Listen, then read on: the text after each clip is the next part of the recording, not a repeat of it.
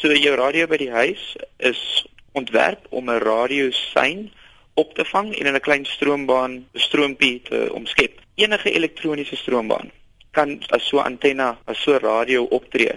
En as die radiogolf wat uitgestuur is sterk genoeg is, dan kan daai stroom wat geïndiseer word sterk genoeg wees om die elektronika te beskadig. Ek sien hulle sê dis 'n nuwe tipe manier van oorlogvoering want jou verwoesting gaan minder wees. Sou jy sê dis reg of is dit 'n pypdroom? Dit is in 'n sekere sin korrek. Daar's geen skade aan mense of fisiese infrastruktuur nie, maar dit is baie groot skade aan alle elektroniese infrastruktuur. So jy kan dink al jou rekenaars, jou kragstasies, enigiets wat met elektrisiteit werk, sal beskadig wees.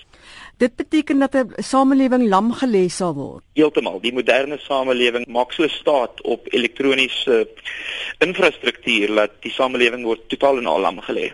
So hoe werk hierdie hulle praat van 'n puls? Korrek, ja. Dis mikrogolfstraling wat maar net beteken dis elektromagnetiese radiasie. Dis 'n kort puls van energie en die kort puls is juis sodat die intensiteit baie hoog is. En dis hierdie intensiteit wat 'n hoë stroom indiseer in die elektroniese toerusting en dan die skade veroorsaak. Nou in watter wapens beplan hulle om dit te gebruik? Soos ek nou sien uit die media uit beplan hulle dit om dit op missiele te installeer, ten minste aanvanklik. Wanneer hulle byvoorbeeld oorlog beplan teen iemand, dan kan jy 'n missiel eers instuur, jy kan die wapen ontplooi en so voorbrand maak vir wanneer jou troepe later moet ingaan. Maar die potensiaal om dit te miniaturiseer is natuurlik groot, so dit kan later op vliegtye selfs by die polisie gebruik word. Wat is die verweer teen so 'n wapen want ek weet hulle praat van omhulsels wat jy kan maak om jou elektronika te beskerm.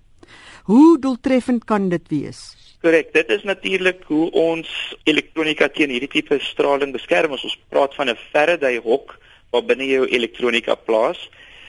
Dis redelik effektief wanneer dit kom by iets soos 'n rekenaar of so, maar wanneer dit kom by wapentegnologie, wanneer jy sensors nodig het vir die beheerstelsel van 'n wapen, daai sensors kan nie binne in die hok wees nie, binne in die Faraday hok wees nie, want anders kan die beheerstelsel geen inligting ontvang nie.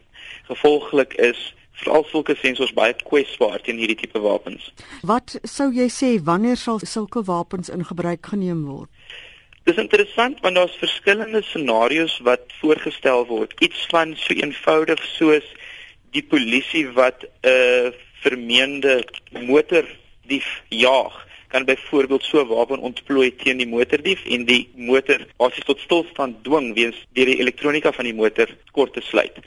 Maar die meeste toepassings sal natuurlik in die oorlogsveld wees waar jy wil hê dat die jou opponente, die land wat jy wil aanval, se kommunikasie en sensors tot nik moet gaan voordat jy aanval.